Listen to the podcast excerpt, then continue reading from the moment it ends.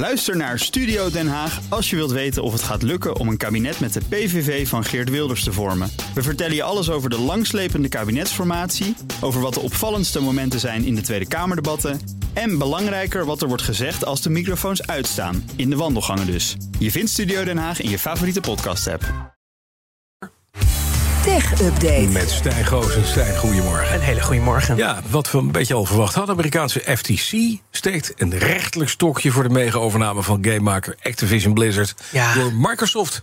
Ja, al anderhalf jaar is hij Ja. bezig, eh, Microsoft, om eh, voor 69 miljard dollar eh, Activision Blizzard, de gamemaker, over te kopen. En diverse nationale waakhonden die onderzoeken die overname. De deal zou namelijk te veel macht geven voor Microsoft in de gamingmarkt, met name op het gebied van cloud gaming, wat nu nog een vrij kleine markt is. De Britse CMA die heeft de deal daarom al in het Verenigd Koninkrijk geblokkeerd. En de Europese Commissie die gaf juist toestemming voor de overname. Nou, nu heeft de Federal Trade Commissie in de VS eh, een noodbevel gedaan via de rechtbank. Eh, er loopt namelijk al een rechtszaak sinds december om de deal te blokkeren. Maar dit noodbevel is essentieel om die blokkade ook echt mogelijk te maken. En op 18 juli is er een deadline en zou die deal zomaar officieel gemaakt kunnen worden door Microsoft. En met dit rechtelijke verzoek wordt dat mogelijk formeel voorkomen. Nou, deze blokkade komt eh, ni- niet op een gek moment, want Microsoft is ook nog bezig om in het Verenigd Koninkrijk de blokkade aan te vechten. En die hebben meer draagvlak nadat de Europese Commissie de deal wel groen licht heeft gegeven. Dus FTC voelde de hete adem in de nek en dacht: we gaan daar een- rechtelijk stokje voor steken. klaar. Dus voorlopig nog even geen deal tussen Activision Nee, Blizzard en Microsoft. Nou.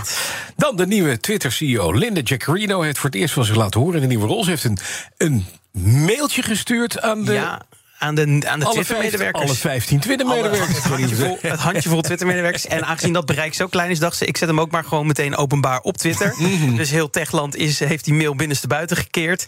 En eh, ja, in haar mail herhaalt ze eigenlijk het doel wat Elon Musk al heeft. Hè, wereldwijd een dorpsplein creëren... met een, eh, ze noemt het zelf, het meest accurate real-time informatiebron creëren in de wereld. Mhm. Nou, die laatste maanden is, daar vooral, eh, is dat er vooral van afgedreven, Twitter. Want door de keuzes die Musk maakt over onder andere contentmoderatie. En eh Jacarino eh, eh, zal niet zomaar tegen die plannen ingaan.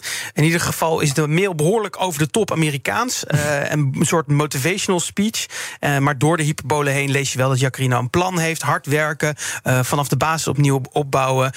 en eigen aannames bevragen. En dat lijkt me een goed idee. En hard werken wordt het zeker. Want Jacarino moet een hoop adverteerders terug zien te lokken... die door Musk afgelopen maanden zijn weggejaagd. Ja, en dan kort nog even naar het antwoord op de Apple Pro Vision Pro.